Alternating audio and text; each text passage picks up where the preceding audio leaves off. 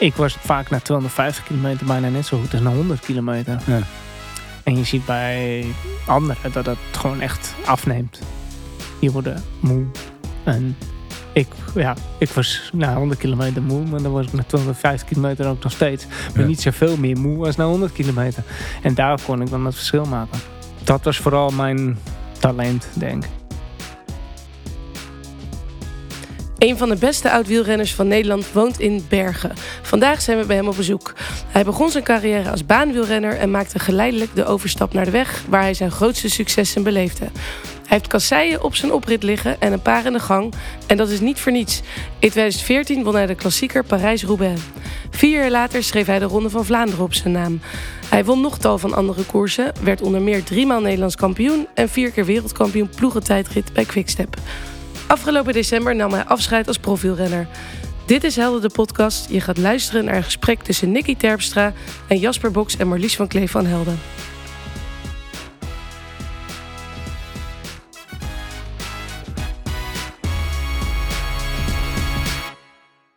Nicky, allereerst geweldig dat we hier mogen zijn. In je fantastische huis hier in Bergen. Waar, dat je, jullie er zijn. eh, waar je al eh, eh, volgens mij sinds 2017 woont, hè? Met je Ja. gezin. Ja, Je vrouw en twee kids. oktober 2017. Ja. Ja. Eh, wij waren natuurlijk eh, onderzoek naar je aan het doen. En dan kom je natuurlijk... Je bent niet alleen beroemd om je geweldige eh, overwinningen... maar ook om je fantastische teksten na overwinningen. Eh, songteksten Ja. gebruikte je geregeld na een overwinning... waar je het vandaan haalde. Waarschijnlijk al ingestudeerd, leek het bijna. Maar daar hebben we het straks nog over. Wat is nou een concert waar jij van denkt... nou, daar zou ik wel eens naartoe willen? Ehm, dat weet ik eigenlijk niet op dit moment. Eh, vroeger was ik een enorme Queen-fan. En eh, ik heb die concerten ook echt eh, op dvd's eh, grijs gedraaid, zeg maar. Wat dat vond ik fantastisch. Maar goed, ja, daar kan ik natuurlijk niet bij zijn. Ehm, maar voor de rest heb ik nu niet iets dat ik denk, van, nou, dat wil ik per se... Nee. Heb je wel eens een Queen-song ook bedacht? Van, hé, hey, als ik nou win vandaag... Nee, nee, maar ik denk dat we met, de- met, de, met de ploeg wie de Champions wel genoeg eh, gezongen hebben. Maar ja, wie niet, eh, dat is een beetje afgezaagd. Ja. En we willen je in deze, deze podcast wil je eigenlijk je carrière doornemen aan de hand van fragmenten. Eh, we gaan beginnen met de eerste. Weet je, ik reed naar de Quaremont toe. Ik wist dat ik die, die groep moest pakken en ik bouwde op. Ik bouwde op. Ik bouwde op. En het bloed stond naar mijn kop. Het was de liefde. De liefde voor de koers. We hoorden jou na afloop van jouw zege in de Ronde van Vlaanderen in 2018. Ehm, de tweede klassieker was het die je won. Hoe luister je hier nou naar? Nou, ik vind het nog steeds zonde dat ik de eerste zin eh, toen ben vergeten. Omdat ik zo kapot was eigenlijk. En dat is de eerste keer dat ik, als ik een songtekst deed, dat ik, dat ik het niet helemaal goed deed.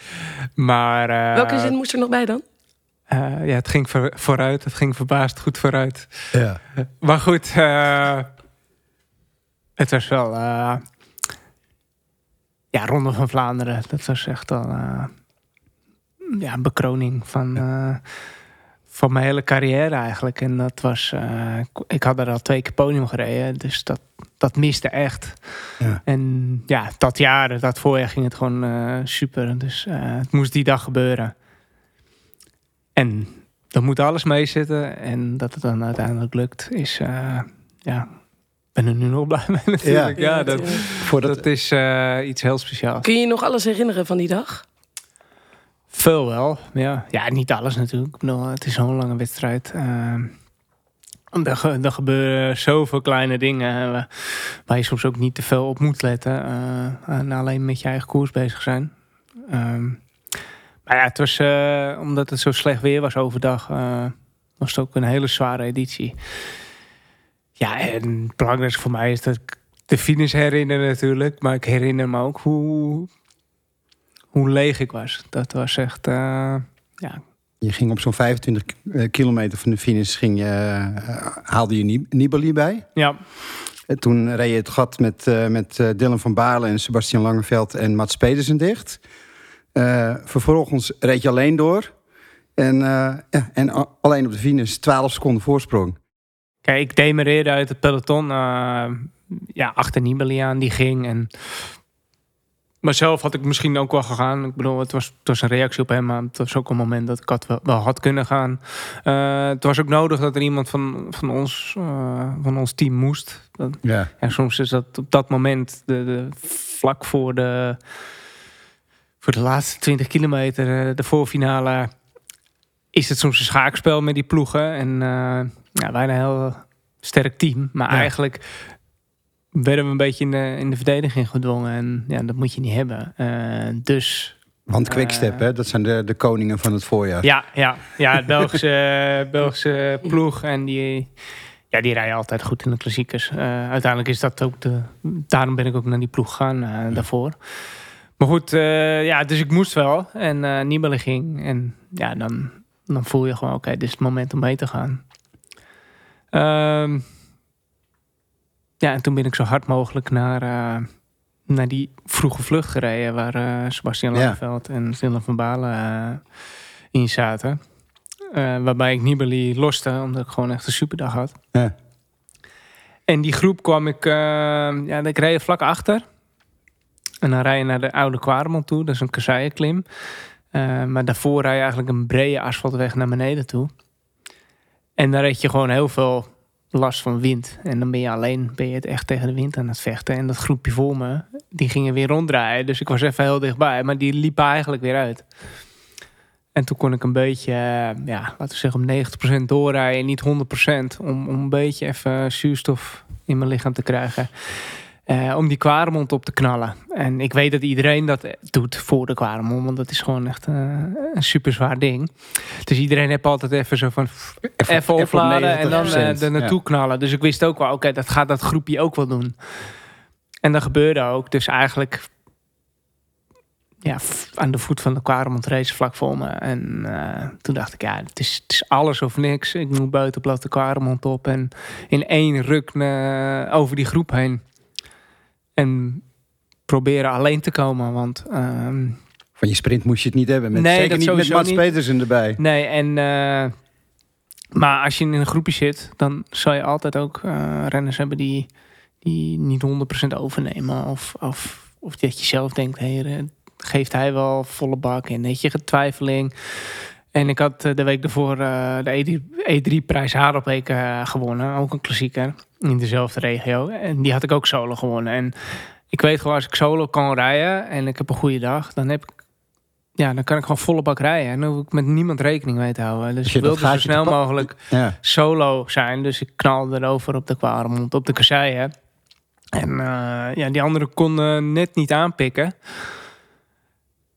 Ja, en dan is het eh, een kwestie van zo hard mogelijk naar de finish rijden. Alleen eh, Mats Pedersen, die toen nog heel onbekend was eigenlijk. eh, maar hij was super jong toen. En eh, die bleef maar op, ja, wat was het ongeveer 15 Ja. seconden hangen of zo. En eh, dan de, laatste acht kilometer is één lange rechte weg. Nou, daarna de één lange brede. Dus dan lijkt het alsof je stilstaat. Maar ja, het ging goed vooruit. En ik was echt die kilometers aan het aftellen. Ja. Lange grote spandoeken. Vijf kilometer, vier kilometer, eh, drie kilometer. En eh, ik weet nog dat ik bij, bij het spandoek van twee kilometer de ronde doorging. Nee, bij drie kilometer. Dat ik dacht van, hé, wij zouden toch twee krijgen? Dus ik was wel zo Oh. leeg in mijn hoofd ook. Dat ik, oh shit, het is nog geen kilometer meer. Ja, maar jouw kwaliteit was inderdaad solo aankomen. Om inderdaad Ja. dat gaatje te pakken en dat vast te houden. Was dat, is dat de kwaliteit die je op hebt gedaan op de baan? Nee. Nee. Nee, nee. dat is gewoon... Ja, dat is gewoon. Het komt vooral uit voort omdat ik niet goed kan sprinten. Dus, dus daar, eh, dat is dan een nadeel. En daar, dus dan moet je ervoor zorgen. Dan ga je wat dat, anders eh, verzinnen. Alleen. eh, ja. eh, oh, ik heb ook wedstrijden en sprints gewonnen hoor. Maar Mhm. ja, alleen ben je wel zeker van. En het, het komt meer voort omdat ik gewoon. ehm, ik ben goed in zwaardere wedstrijden. Een, een makkelijke wedstrijden waar nog een grote groep relatief fris is. En dan ja, komen mijn kwaliteiten niet eh, uit de verf. En ik ben ja, meer een diesel. En als het dus echt iedereen kapot is, dan kan ik nog net even ietsje meer doen. In goede dagen. dan. dus eh, ja, en dan kan je, daardoor kan je dan ook het verschil maken om, Ja. om te demereren. Nog even. Ja. Want het is meestal de demarage en daarna rij je net zo hard. Ja. Het is niet dat je constant harder rijdt en dat het, eh, dat het een half minuut wordt, een minuut, twee. Nee, je rijdt eventjes eh, eh, op een klein momentje, een beslissend momentje in de wedstrijd. Daar maak je het verschil. Ja, dan moet je gewoon zorgen dat je, dat je het volhoudt. Ja. Want tegen, tegen, tegen een grote groep die zo gaat ronddraaien, ja, dan kan je het bijna nooit winnen. Nee. Alleen ja, je hebt het voordeel, die groep die draait even heel mooi rond. Dan pakken ze secondes, maar dan is er weer even vertwijfeling. En dan pak je heel veel secondes terug. Dus eigenlijk, eh, al rijden ze een kilometer lang goed samen, nou, dan pakken ze drie seconden op je. Maar als er dan even vertwijfeling is, ja, dan, dan pak je zomaar vijf tot tien seconden weer terug. En Ja. zo kan je eh, een koers solo winnen. Even zo'n clichévraag, maar w- weet je nog wat jij dacht toen je over de finish kwam? En Wat zei je als Ja, eerste? Ik ben er. Nee, ja. Ja, weet je Eh, dat maar ik, ik, weet, ik weet niet wat ik zei als eerst, maar eh, ja, het is, eh, het is gewoon bizar dat de wedstrijd. eh, kijk, ik had Parijs-Roubaix gewonnen en dit was dan ook nog eens Ronde van Vlaanderen. En dit waren de twee wedstrijden. Eh, ja, als je het over cliché hebt, er waren echte wedstrijden waarvoor ik als kleine jongen voor de tv zat. Oh ja. Met, met open mond te- verbaasd hoe, hoe mijn helden van toen over die kasseien reden. En, en de mooiste wedstrijden om op tv te kijken, ja, had ik op dat moment gewonnen. Dat Ja. is, eh, ja, super mooi. is Zo nu vaak, compleet, ja, dus weet je, eigenlijk ook, ook die, je- die aankomst in de Ronde van Vlaanderen, ja, daar eh, al met trainen rijden eroverheen. En dan, ja, bedenk je jezelf al van, nou, hoe zou het zijn om hier, hier als eerste over de schijf te komen? Dan, dan, dan is het toch helemaal top. En eh, Ja. Zelfs, Ja, zelfs nu eh, praat je er nog al, eh, vijf Ja, jaar na tuurlijk. dato heb je nog steeds dat- een, glimlach op, op je gezicht als je ja, erover vertelt. Het is ook wel speciaal. Het is ook zo jammer dat, je, dat het zo kort duurt. Je, je, het fragment wat we net hoorden was een, eh, ja, was een tekst uit eh, eh, eh, Liefde voor Muziek van Raymond van het Groenewoud. Ja. Had je voor, aan het begin van de dag al bedacht van, nou, mocht ik winnen, dan eh, rammel ik die even, eh, schud ik die er nou, even ik uit. wilde wel iets Vlaams doen eigenlijk. Ja, Ja. omdat de Ronde van Vlaanderen is. En eh, ehm, toch in Vlaanderen is toch een andere cultuur dan, dan, dan Nederland. Dus ja, veel Vlamingen vonden mij maar een, bij de hand Hollander, laat ik het zo zeggen. En ja, ik reed wel bij een Belgische ploeg al een paar jaar. Maar ja, eh, als ik dan een wedstrijd wo- won, dan was het meer zo van... ja, die Hollander pakt eigenlijk de overwinning weg van de andere Vlamingen in die ploeg, weet je wel. En dit jaar, 2018, was eindelijk eh, dat ik het gevoel had dat eh, Vlaanderen ja, wel fan van me was geworden eigenlijk. eh, na een paar wedstrijden. Dus ik dacht, ja, dan ga ik ook nog eens een, een, een Vlaams nummertje erbij doen. Maar waar kwam dat idee überhaupt vandaan om die songteksten? Ja, gewoon. Ja. eh, ah, van, nee, ik, eh, dat ko- komt als je wint, heb je vrienden, dat deed ik als eerst. Ja. eh, en omdat dat, dat, eh, dat gaat gewoon over wielrennen. Ja. Dat, dat eerste stuk.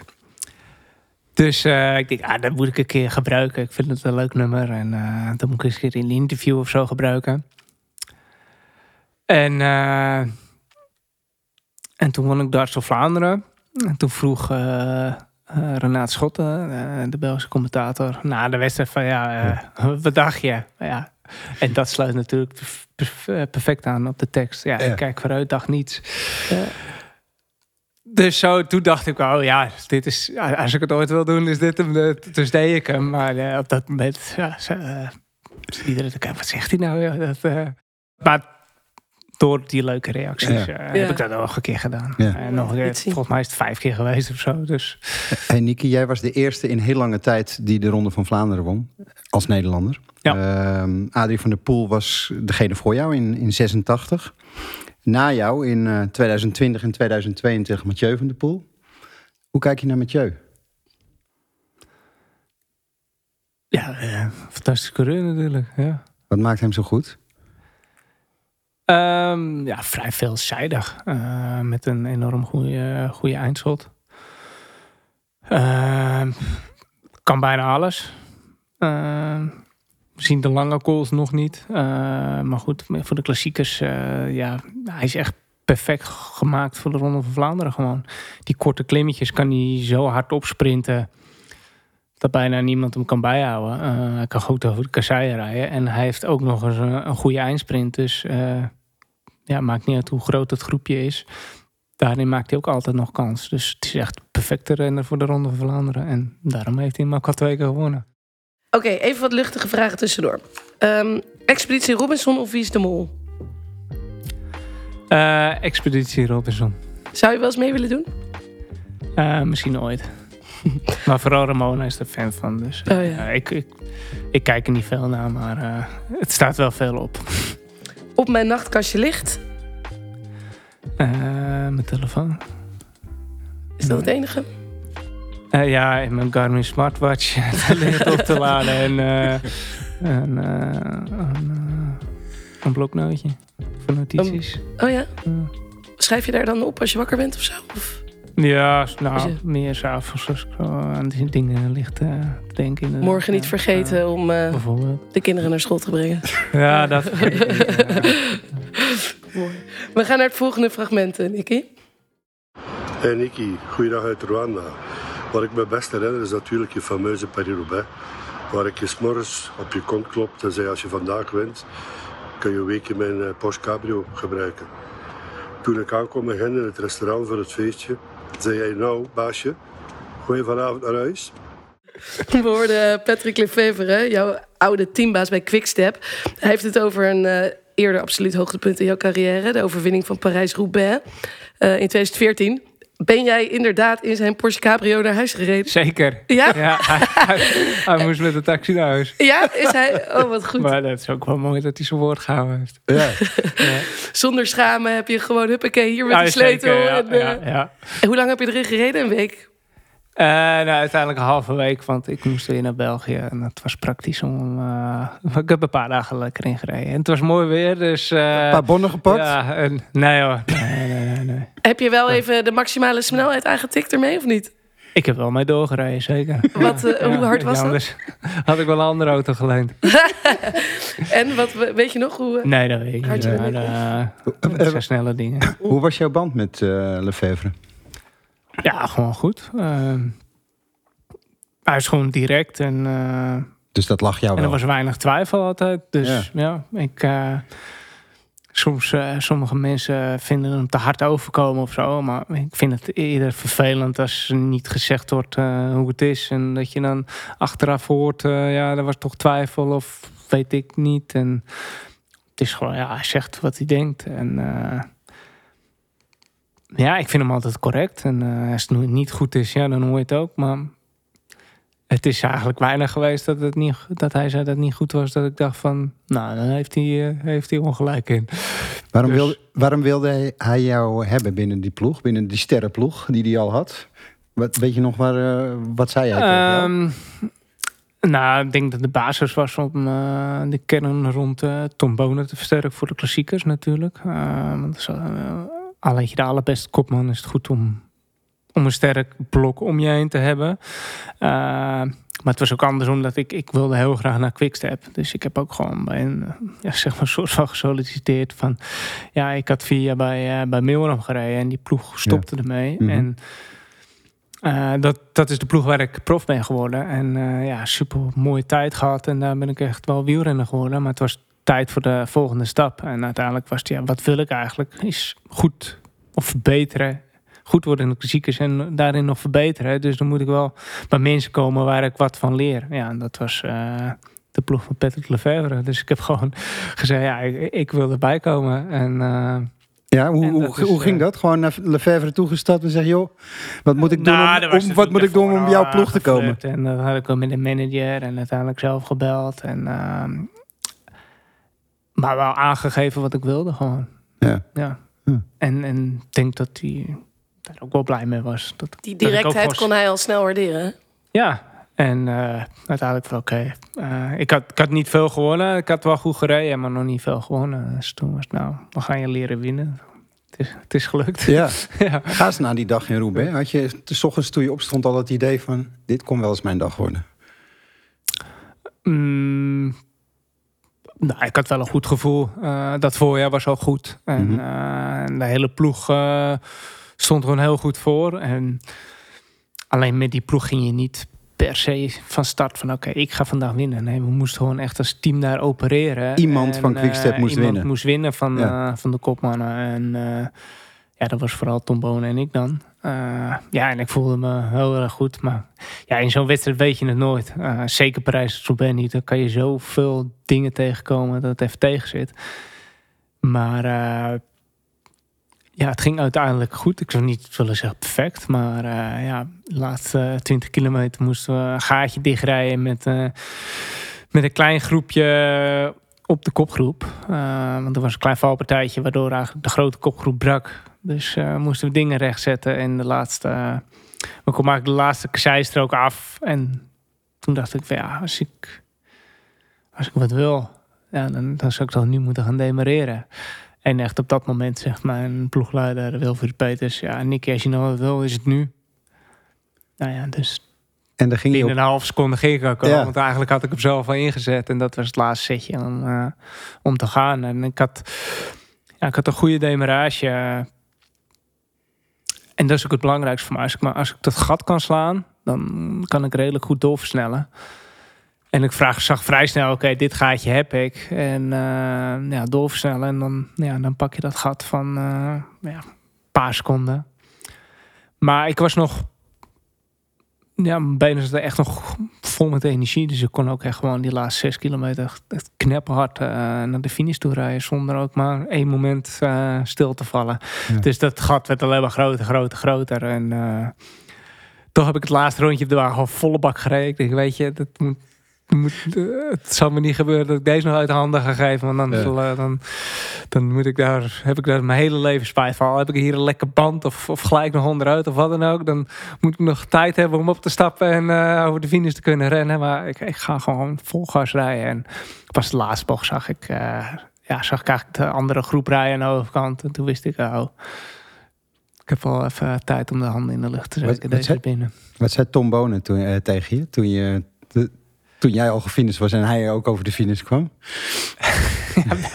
nou ja, de- ja, hij vond het mooi dat ik gewonnen had. Al eh, had hij die dag zelf ook heel erg graag gewonnen. Ge- dus, dus ik merkte wel dat, dat hij zo in zo'n tweestrijd zat. Want hij vond het wel heel mooi van mij. Maar ja, zelf had, was hij natuurlijk ook zo fanatiek als wat dat hij zelf Ja. had willen winnen. Maar goed, eh, uiteindelijk was hij echt wel blij met me. En eh, dat hebben we ook al even gevierd. Wat maakte jou nou zo goed? Ja, de, het duurvermogen en het, eh, het langdurig ehm, hard kunnen rijden. Ja. ja, dat klinkt heel simpel. Hè? Nee. Iedereen is hard fietsen. Maar, nee, ja, gewoon eh, ik denk de kortste inspanningen, ehm, zoals een sprint, ja, dat, daar was ik gewoon eh, niet goed genoeg voor. Of niet explosief genoeg voor. Ehm, maar daarna, ja, daar kon ik kon op langere, een langere wedstrijd van, van de monumenten, dat is 250 kilometer, de klassiekers. Ja. Ehm, ik was na, vaak na 250 kilometer bijna net zo goed als na 100 kilometer. Ja. En je ziet bij anderen dat dat gewoon echt afneemt. Die worden moe. En ik, ja, ik was na 100 kilometer moe, maar dan was ik na 250 kilometer ook nog steeds. Maar Ja. niet zoveel meer moe als na 100 kilometer. En daar kon ik dan het verschil maken. Dus dat was, ja, dat was vooral mijn talent, denk ik. Ja, Ja. ja. Ja. Maar gewoon, ja, ook kunnen herstellen van inspanningen. Dus, dus ja, kijk, in Vlaanderen moet je een paar keer zo'n zo'n klimmetje op. Ehm, je moet al dringen voor zo'n klimmetje om in positie te komen. Dus je, wordt, je bent al moe als je aan zo'n klimmetje begint. Dus je herstelvermogen moet in die wedstrijd ook goed zijn. Want je moet dus die inspanning leveren om van vooraan het klimmetje te, beginnen. Dan moet je een klimmetje zo hard mogelijk op sprinten. Dan heb je misschien 30 seconden hersteltijd. En dan komt dat volgende stuk alweer. En die herhaling daarvan, tak, tak, tak, tak, tak, de hele dag door. Dat lag me wel. Dat betekent dus ook dat je mentaal heel sterk bent. Eh, ja. Ja, die, die focus moet je in een wedstrijd wel hebben, ja. Ja. Heb, be- heb je daar begeleiding in gehad? Dat je dat mentaal... Of zit, is dat gewoon... aard- zit dat gewoon in jou? Nee, nee. Of heb je dat van je vader en eh, moeder? Hoe, eh, hoe werkt dat bij jullie? Bij de familie Nou, ik heb, ik heb ik had wel bij de amateurs. eh, had ik, kon ik niet de hele wedstrijd me concentreren, weet je wel. En dan, ik soms, en dan zat ik soms van achter. eh, ja, nonchalant eigenlijk. Nou, toen zei de ploegleider een keer van... eh, ja, je bent zo hard aan het trainen, je bent zo goed bezig... en je wil een goede wielrenner worden. En dan stop je zoveel uur in je training... kan je dan niet dat wedstrijdje van vier uur... even vier uur concentreren? Dan ben je de hele week voor bezig. Dan hoef je alleen maar even vier uur te concentreren. Oké, ja, dat is ook zo. Daarna, dan kan je, daarna kan je weer doen wat je wil. Ja, en zo Ja, heb je er eigenlijk ook even- altijd in gestaan. Ik moet Ja, nu even acht van, uur, acht uur ja, lang... het is, het is ja, ah, oké, een uur op de, op de fiets om te trainen. Uren ben je ermee bezig. Nou, dan moet je wel zorgen dat waarvoor je dat doet, dat je dan even goed, goed de focus erop legt. Hm. Ja. En dan kan je daarna weer even relaxen. Tour de France heb je een paar keer gereden. Die noemde je strontkoers, toch? heb ik dat gezegd? Eh, nou, het is gewoon. ehm, ten eerste super zwaar. Ik heb hem acht keer gedaan, denk ik. Maar ja, het is wel de, de allerbekendste en grootste wedstrijd die er is, natuurlijk. Eh, dus ja, hij is belangrijk. Eh, alleen het is gewoon, ja, vier weken weg is gewoon intens. En dan ook al de aandacht erbij is super vermoeiend. Eh, Nul ruimte om eens een keer lekker op jouw manier ertussenuit te, te eigenlijk piepen. wel, ja, ja, ja. Ehm, de koers, de, de stijl van koersen lag me niet uiteindelijk. Ik bedoel, ik heb vaak geprobeerd om, eh, om een etappe te winnen. Ik ben in de buurt geweest, maar het is me niet gelukt. En dat is jammer. Maar ja, dat, eh, dat is nou helemaal zo. En eh, uiteindelijk besloten van... Ja, ik, het doet voor mij niet meer, de Tour. Dat, het is eh, heel veel etappes zwaar afzien. En, en voor de beloning was klein voor mij. Dus Maar stel, toen je voor de zevende keer of de achtste keer dan een telefoontje krijgt. Joh, Niki, we hebben je in de toerploeg. Heel veel renners denken dan, yes, ik mag naar de... En jij ja, zat nee, dan... nee, het- ja, maar het klinkt een beetje... Nee, de strontkoers is wel heel negatief. ik bedoel, elke keer dat ik gereden heb, wilde ik het zelf. Ja. Het is Ja. nooit geweest dat, eh, dat ik zei, nee, ik wil niet. En dat zei, je moet. Nee, dat werkt sowieso niet, denk ik. Ik bedoel... Nee. eh, ik ik heb wel eens een proefmanager ges- gesproken die zei van, dat ik zei van, ja, ik ga dit jaar niet in de tour. Oh, vind je ploeg dat goed dan? Ik zei, ja, maar ik- als ik er geen zin in heb, dan ga je toch niet iemand erheen sturen die, die daar geen zin in heeft. Wie wordt daar nou blij van? Niemand toch? Nee. Nee. Ehm, maar goed, ja. ehm, dus elke keer dat ik, dat ik ging, eh, had ik ook een reden om te gaan. En was ik daar ook gewoon wel gemotiveerd voor. Alleen, ja, het is gewoon super zwaar. Het drukt ook een stempel eh, op, op een groot deel van je seizoen. Dus eh, ja, je moet wel over, serieus overwegen. Ja, waarom wil ik naar de Tour? En wat is motivatie erachter? En niet alleen ja, omdat je erbij wil zijn. Je vertrok in eh, 2019 van, eh Quick, van Quickstep naar eh, de Franse ploeg, Total Energy. Ja. Toch? Ehm, Patrick die zei, ik had het geld niet om Nicky te behouden, wat hij betreurde. Hoe kijk je terug op die overstap? Eh, nou, een hele toffe overstap toen. Ehm, nog steeds blij mee dat ik het eh, gedaan heb. En eh, ik vind het alleen jammer dat het eh, ja, wegens omstandigheden niet heeft uitgepakt als ik gehoopt had. Ja. Ja. Dus ja, het was echt eh, ja, toffe transfer. Ik had, eh, ik had ook bij Quickstep alles behaald eh, wat ik wilde. En het was gewoon, ja, voor mijn gevoel ook wel de juiste tijd om, om die overstap te maken eigenlijk. Maar klopt het dat Patrick jou heel graag wilde houden, Lefevre? Ja, dat denk ik. ja. Nee, ja, tuurlijk, dat zei hij ook wel. Hè. De, bedoel, dat, eh, eh, het ging op dat moment niet. En, eh, en dit, ja, toen kwam ik... de- Vo- Vond je dat heel jammer? Of dacht je nou, het is ook inderdaad wel tijd om voor iets anders? Ehm, nou, maar in eerste instantie was gewoon mijn plan te blijven. Ik bedoel, ja, het ging hartstikke goed met de Ja. ploeg en alles ging super eigenlijk. Ehm, zeker dat jaar, dat was met de hele ploeg ging het als een trein. Maar toen, eh, ja, toen was het met sponsoring niet allemaal zeker en alles. En, eh, en toen kwam deze aanbieding en ja, even serieus erover nadenken. En, en toen kwam ik wel eigenlijk tot de conclusie van ja, als, als er tijd komt om die overstap te doen, en dan is dit het moment. En eh, dus zo, ja. En Het was wel. Eh, veel mensen waren verbaasd dat ik eh, toen die overstap maakte naar die ploeg. Eh, maar het was wel een vette transfer. Heb je na die tijd nog veel contact met Patrick gehad eigenlijk? Ja. Nog steeds? Want je hebt ook bij. eh, in Rotterdam, bij mijn afscheidswedstrijd, Ja. eh, is hij ook uit Spanje overgekomen. Dus eh, ja, dat was wel vet. Dat zegt genoeg. Ja, dat is Ja. wel mooi. Ja. Ja, ja, ja. Mooi. We hebben nog een eh, paar eh, luchtige vragen voor je. Waar je kort op mag reageren. Ik zou graag een dagje willen ruilen met. Een straaljagerpiloot. Mooi. Dat was de andere passie die je had als kind, of niet? Nee, nee, Nee? dat niet. Maar het lijkt me wel vet. Oké. Ja. Waar je mij s'nachts mee wakker kunt maken is... Ehm, seks. We gaan naar het volgende fragment. Daarover gesproken gaan we naar. Hoi schatje. Nou, ook een berichtje namens mij uiteraard. Ehm, ja, je bent inmiddels al eh, nou, zo'n 2,5 maand nu eh, officieel gestopt. Ik heb er nog niet heel veel van gemerkt, want je bent lekker veel eh, nog lekker aan het fietsen en aan, op pad aan het gaan. En je klaar aan het maken voor je eerste avontuur in je nieuwe carrière, de Cape Epic. Ehm, ik weet zeker dat je lekker gaat genieten van deze tochten. En ehm, wij zijn blij dat we je wat meer thuis hebben. En eh, we kijken uit naar de komende jaren. Ik hou van jou. Dikke kus. We hoorden jouw vrouw eh, Ramona. Hoe vind je het om dit te horen? Leuk. Ja, zeker.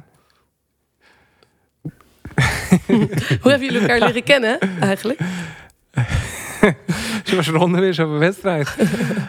en eh, de Olympisch Tour, dat dus eigenlijk eh, de ronde van Nederland voor, eh, voor amateurs.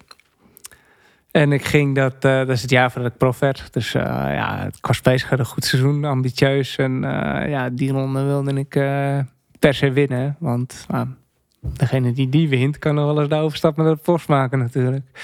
En toen de openingstijdrit, toen werd ik derde. En toen stond ik meteen op het podium. En toen Ramona k- kennen.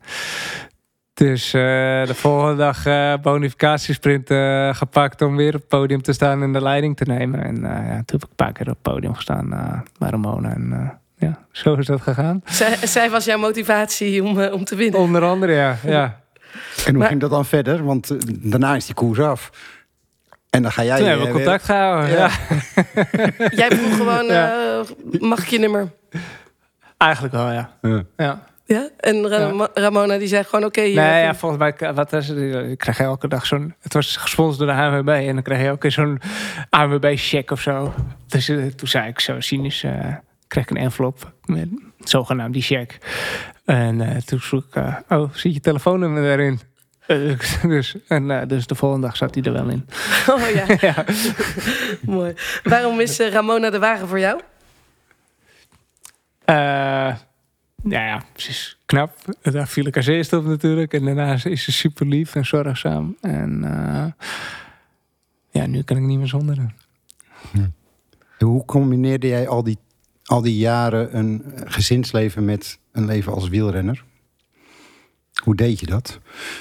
Ja, gewoon doen. Maar eh, dan is het heel belangrijk dat je iemand stabiel thuis hebt. Was dat moeilijk soms? Om dan weer... Ehm nou, f- eh, het viel me mee eigenlijk. Ja, Ja? Ook toen er twee kindjes waren, werd het... ja niet moeilijk, nou, ik zag het... eh, ik zag het ook wel... ehm, ik heb natuurlijk een heel raar schema. Soms ben ik twee weken weg. Nou, dan ben ik weer twee weken thuis. Ben ik een week weg. Ben ik weer thuis. Ben ik een dag heen en weer.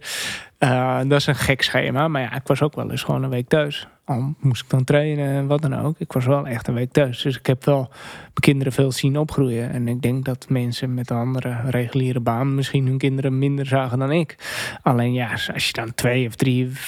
of voor een grote vier weken weg moest... dat was wel echt lang. Ja. Ehm,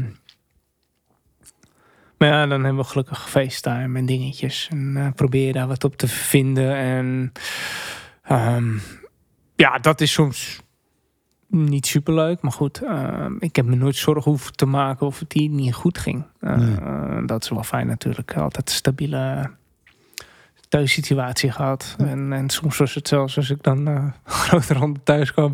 dat ik gewoon even moest te gast was thuis. En moest kijken, oh ja, hoe is het ritme ook weer thuis. En, uh, en uh, ja, zij hebben dan zo'n ritme dat je je moet aanpassen daaraan. Ramona en de kids hebben zich vast ook wel eens flink zorgen om jou gemaakt. Zeker ja, een paar zeker serieuze valpartijen in je, in, je carrière meegemaakt. Ja. De eerste was die in uh, 2020. Toen je na een trainingsrit in, in, uh, in Coma belandde. Omdat je moest uitwijken voor een, een, een koppel ganzen. Op de, volgens mij was het op de dijk tussen Enkhuizen en, uh, ja. en Lelystad, ja. hè? Ja, het was geen coma, maar narcose. Maar ja. uh... Maar je, je liep een klaplong op, hersenschudding, gebroken ribben. Was dat achteraf ook een reden waarom jij dacht van ja, nu is het leuk geweest? Uh, nee, alleen ik heb daardoor uh, nooit meer zoveel risico's in de wedstrijden gepakt als voorheen. Uh, zeker in die wedstrijden waarin ik goed moest zijn, hè, zoals die Vlaamse wedstrijden. Ja, dat is gewoon constant dringen op je, om je plekje, constant. En dat had ik echt zo van, ja jongens, doe even normaal, weet je wel. Maar ja, dat was serieus waar ik goed in was. Ja. En dat, dat kon ik niet meer goed doen als ik die, die risico's niet nam. Ja. Dus ja, uh, uh, ik had misschien uh, conditioneel was ik niet meer zoals voorheen, maar uh, ik nam ook niet meer die risico's en ik zat ook niet meer op de goede plekken wanneer het moest gebeuren. Uh, dus ja, dat heeft toen super veel impact gehad, ja.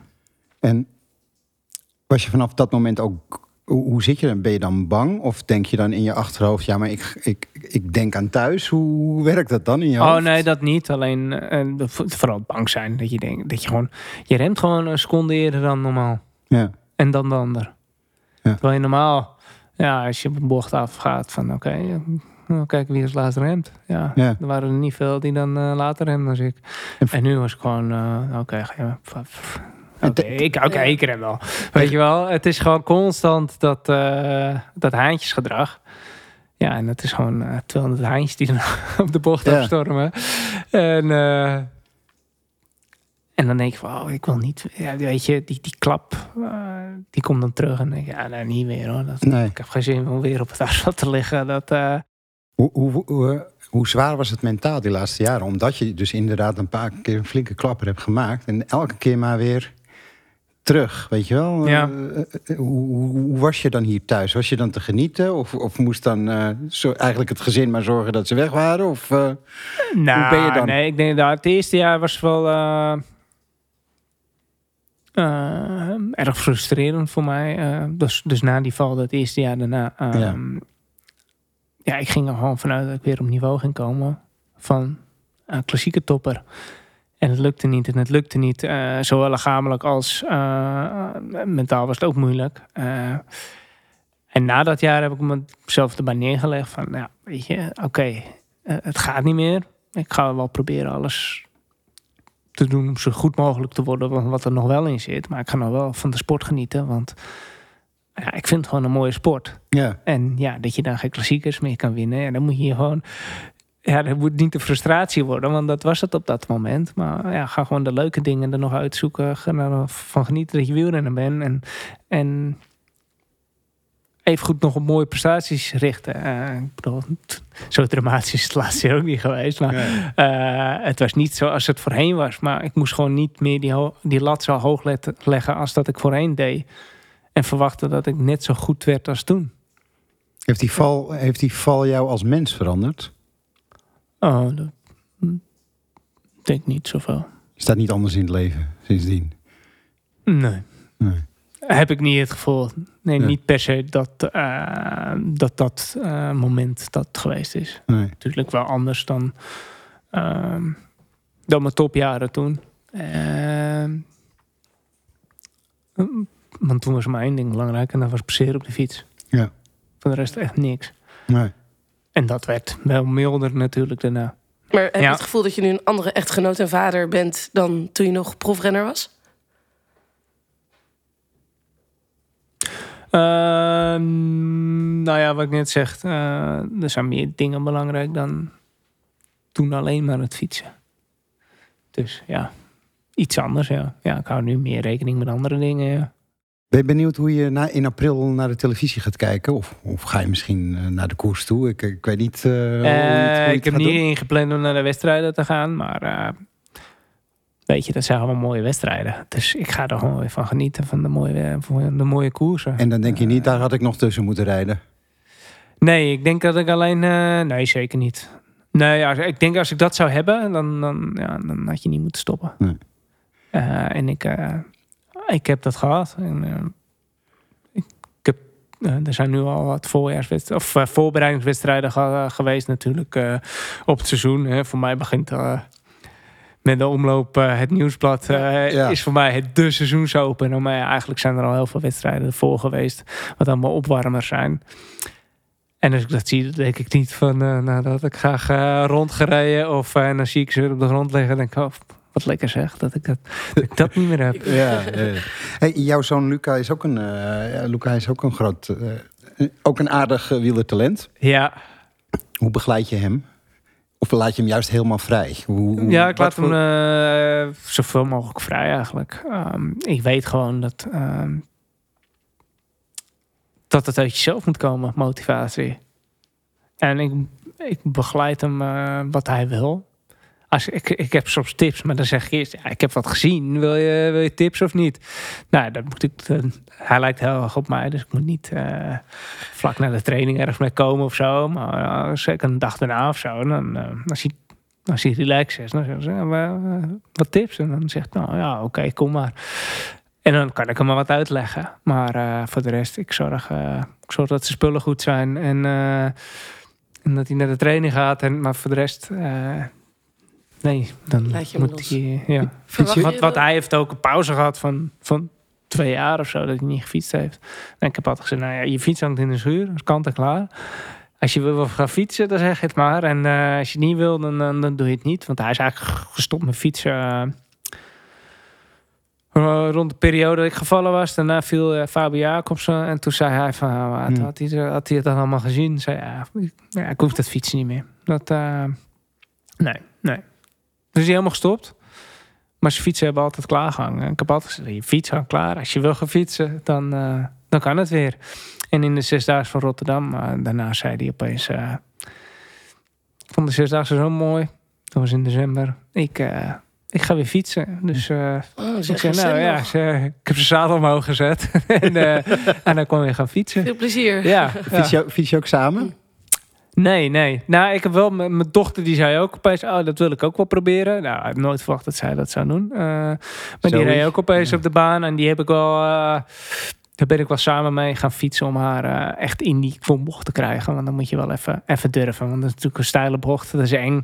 En als ik naast de fietsen, dan, dan vond ze dat fijner. Dus ik heb een paar rondjes met haar gefietst op eh, fiets van de trainer hoor. Ik heb mijn helm op en ik ben gewoon gaan fietsen. En eh, langzaamaan heb ik haar die bocht ingeholpen. En eh, nu, moet, nu, nu kan ze, nu is ze goed genoeg om met de training mee te doen. En dus nu, ja. Hoe mooi, was dat, buiten. hoe mooi was dat afscheid in Rotterdam? Dat je dat helemaal met je gezin hebt kunnen doen. Net wat je zei, Patrick Lefevre die voor je overkomt. Ja, je maatjes op de baan. Ja, ja heel mooi. Ehm, ook natuurlijk eh, een soort thuispubliek, Rotterdam. Ja. er eh, elk jaar gereden. En eh, Gewonnen. ja, en, en dan zaterdagavond, dat was dan een beetje, stond een beetje het thema van mijn afscheid. Ja, dat was super mooi. En dat er zoveel mensen gekomen waren voor mij. En, en belangrijke mensen voor mij in mijn carrière. Dat, dus van, van, van eh, ja, trainers. Mijn- bondscoach was er van bij de amateurs ook nog bij de baanselectie reed. eh, tot aan eh, mijn ploegbazen. eh Gerry van Gerwen, de ploegbaas van Milram.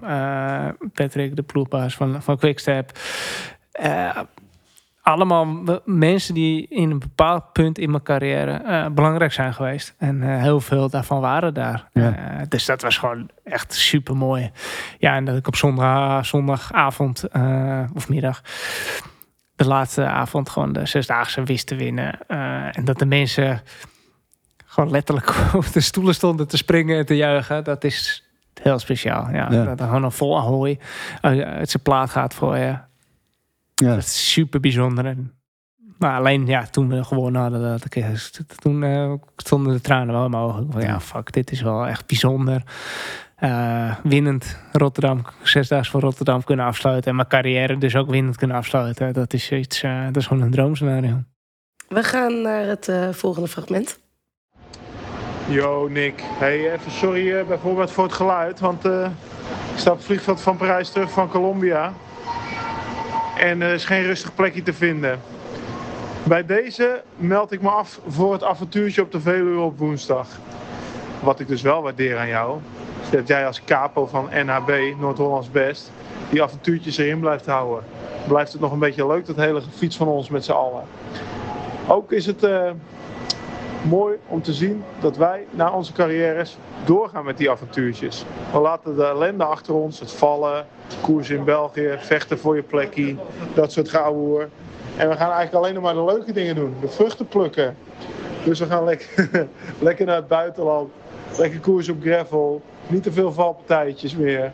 En le- lekker trainen als we zin hebben. Nou, ik kijk er erg naar uit om dat de komende jaren met jou te doen. Je kan het nog een tijdje rekken. Ik ben een aantal jaar ouder dan jou. Ik ben 42 en ik doe het nog steeds. Dus eh, dat gaat goed komen. En eh, volgende week ben ik wel mee. Muscle. Worden Laurens ten Dam, Ja, een eh, streekgenoot. ja. Ehm, leg jullie band dus uit.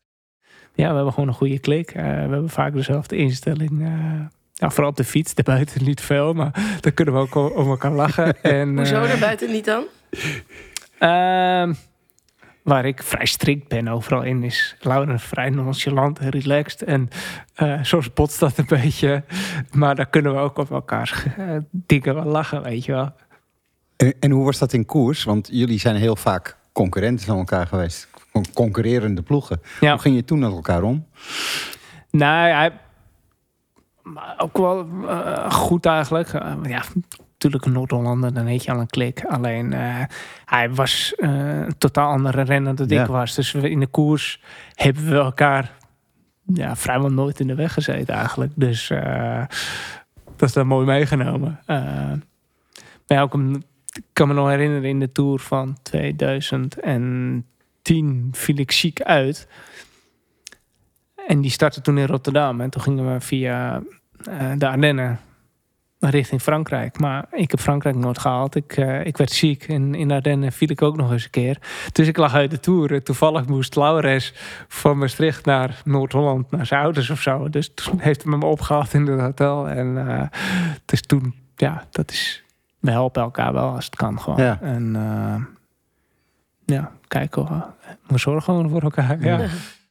Die, ehm, die, die wat je net al zei, die trainingsgroep, die, van appgroep is het, hè? de Noord-Hollands Best, die heb jij opgericht, toch? Ja. En hoe is dat zo ontstaan? Kees Bol zit erin, begreep ik. Ramon Sinkeldam. Ja, nou, het, eh, vooral uit eigen belang, moet ik zeggen. Ehm, het was gewoon, we hebben zoveel goede. Ik bedoel, die groep bestaat al een tijdje. Maar toen al hadden we zoveel goede wielrenners in Noord-Holland. En er werd niet veel met elkaar getraind. En reed de een daar en de ander daar. En eh reden we rondjes om elkaar heen. Ik dacht, ja, eh, het is alleen maar beter om gewoon kwaliteit bij elkaar te stoppen. En dat maakt elkaar beter. Dus we kunnen samen, beter samen trainen. En eh, Is en dat is het beste voor iedereen. En nog het leukste ook. Eh, dus zo is dat eigenlijk ontstaan. En in plaats van iedereen eh, afzonderlijk een bericht te sturen. Hey, ga je morgen trainen? Ga je mee? En dan die, en dan die, en dan die. Gewoon een groepje bij elkaar stoppen. En Ja. ja, dat zijn de allerbeste renners van Noord-Holland die erin zitten. Ja.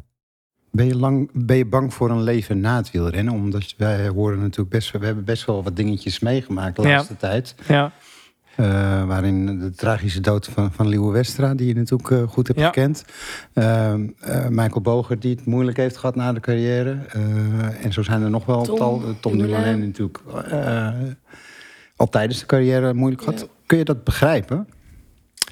Ja, ik begrijp dat, maar ik ben er niet bang voor. Als je een paar jaar bezig bent met, ik zei het net al, in, in die periode dat je wil presteren, is maar één ding belangrijk en dat is fietsen en de prestaties. Ehm, en als dat dan opeens wegvalt, ja, wat, wat is dan eigenlijk eh, je doel in het leven. Want dat Mhm. was gewoon heel duidelijk. Je structuur was ook duidelijk. En ja, als dat dan wegvalt en je hebt niet echt andere dingen die je per se daarnaast wilt doen of wat dan ook. Nou ja, dan snap ik best dat dat een beetje eh, apart is. En daarom heb ik, ik, ik heb dan wel een, een andere overgang. Omdat ik, ik ben nog steeds aan het fietsen. Ik ga mountainbike-wedstrijden rijden. Ik ga die gravel-wedstrijden rijden. Dus ik fiets nog steeds. Alleen ja, een tandje minder. En ja, gewoon minder spanning en minder prestatiegericht. Ja. Ja, ik wil wel goed fietsen. En eh, sommige gravelwedstrijden wil ik gewoon echt wel hard gaan fietsen. Maar ja, het, is niet zo belangrijk als dat ik voor mijn ploeg weer prestaties, eh, voor prestaties moet gaan zorgen. En dus voor mij valt die stress weg. Maar als je dat, dat eh, ja, als je van de een of andere dag van, van puur die focus naar, naar het niets valt, ja, dan, dan kom je in dat zwarte gat terecht natuurlijk. Van ja, wat moet ik nu doen? He- Heb jij eigenlijk nog dromen voor de toekomst? Voor wat je nog allemaal zou willen in het leven? Ehm, ja. Nou, dromen, ja. Eh, op zich wel, ja. Ik wil vooral leuke dingen doen. Eh, ik, ik ben altijd al als hobby autoracer eh, bezig geweest. En dat wil ik nu meer en meer gaan doen. En hopelijk ook wat serieuzer. Maar dat moet blijken hoe goed ik ben natuurlijk ook. Ehm, en ja, ik wil ook een beetje gaan ondernemen. En hopelijk daar oké in te zijn. Goed in te zijn. Heb je al een idee over... eh, Niet per se, maar eigenlijk, ja, eh, ik heb al vroeger, te- toen mijn vader die heeft altijd een autogarage gehad. En toen, ja, ik vond het altijd, ik heb al toen altijd dat auto's gewassen. En toen zei ik al, vroeger, later wil ik een, eh, een mooie carwash hebben. Ik ben met mijn opleiding eh, begonnen als idee om iets in de projectontwikkeling te gaan doen. En ja, dat is toen eh, eh, stilgezet omdat ik ging fietsen verder. Eh, maar goed, dat, eh, dat vind ik nog steeds interessant, zulke dingen. Maar en de he- hele directe richting heb ik daarin nog niet. En, maar het allerbelangrijkste nu, ik ben met mijn kledinglijn bezig. En dat wil ik ook echt voortzetten. Speed on Wheels. Eh, we zijn begonnen met vrije tijdskleding. Ik ga dit jaar in mijn eigen kle- koerskleding rijden. Dus dat komt ook straks te koop. Dus Hm. mijn outfit waar ik in ga koersen... is straks gewoon eh, ja, op speedonwheels.com te koop.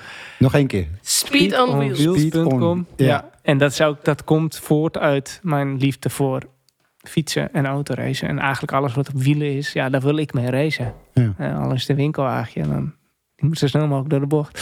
Dus eh, daar komt dat eigenlijk uit voort. En, en als, eh, als een ploeg jou nou belt om te vragen als coach of als ploegleider.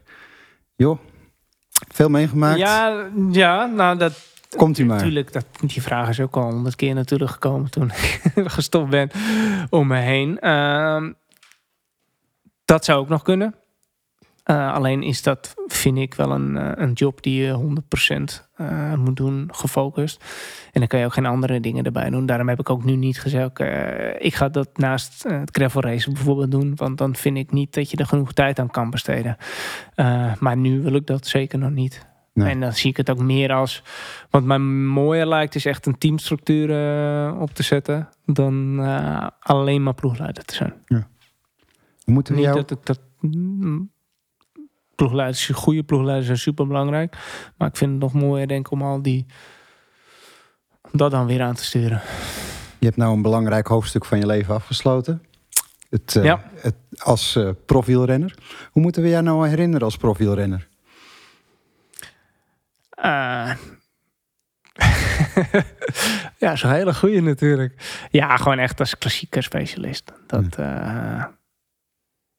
nou, dat is wat ik was natuurlijk. Ik heb ook in andere onderdelen eh, dingen gewonnen, maar de klassiekers is natuurlijk wel eh, een heel belangrijk ding. En Ja. ja, een mooie periode geweest. We wensen je in ieder geval heel veel successen in alle andere dingen die Ja. je vanaf nu gaat doen. Ja. En, Klinkt eh, alsof je al veel opties hebt, dus Ja. eh, dat komt helemaal Nou ja, goed. ik heb het druk zat in, Ja. in ieder geval. Eh, Ja. ja. nou, dit was het. Dit was Helder de podcast. Ik hoop dat je het leuk vond. Heel leuk. Nou, bedankt voor het luisteren iedereen. Dit was Nicky Terpstra in Helder de podcast. Dit was Helder de podcast. Volg deze podcast op Spotify of Apple Podcast. voor nog meer inspirerende sportverhalen. Laat ook een review achter en laat ons weten wat je van deze aflevering vond.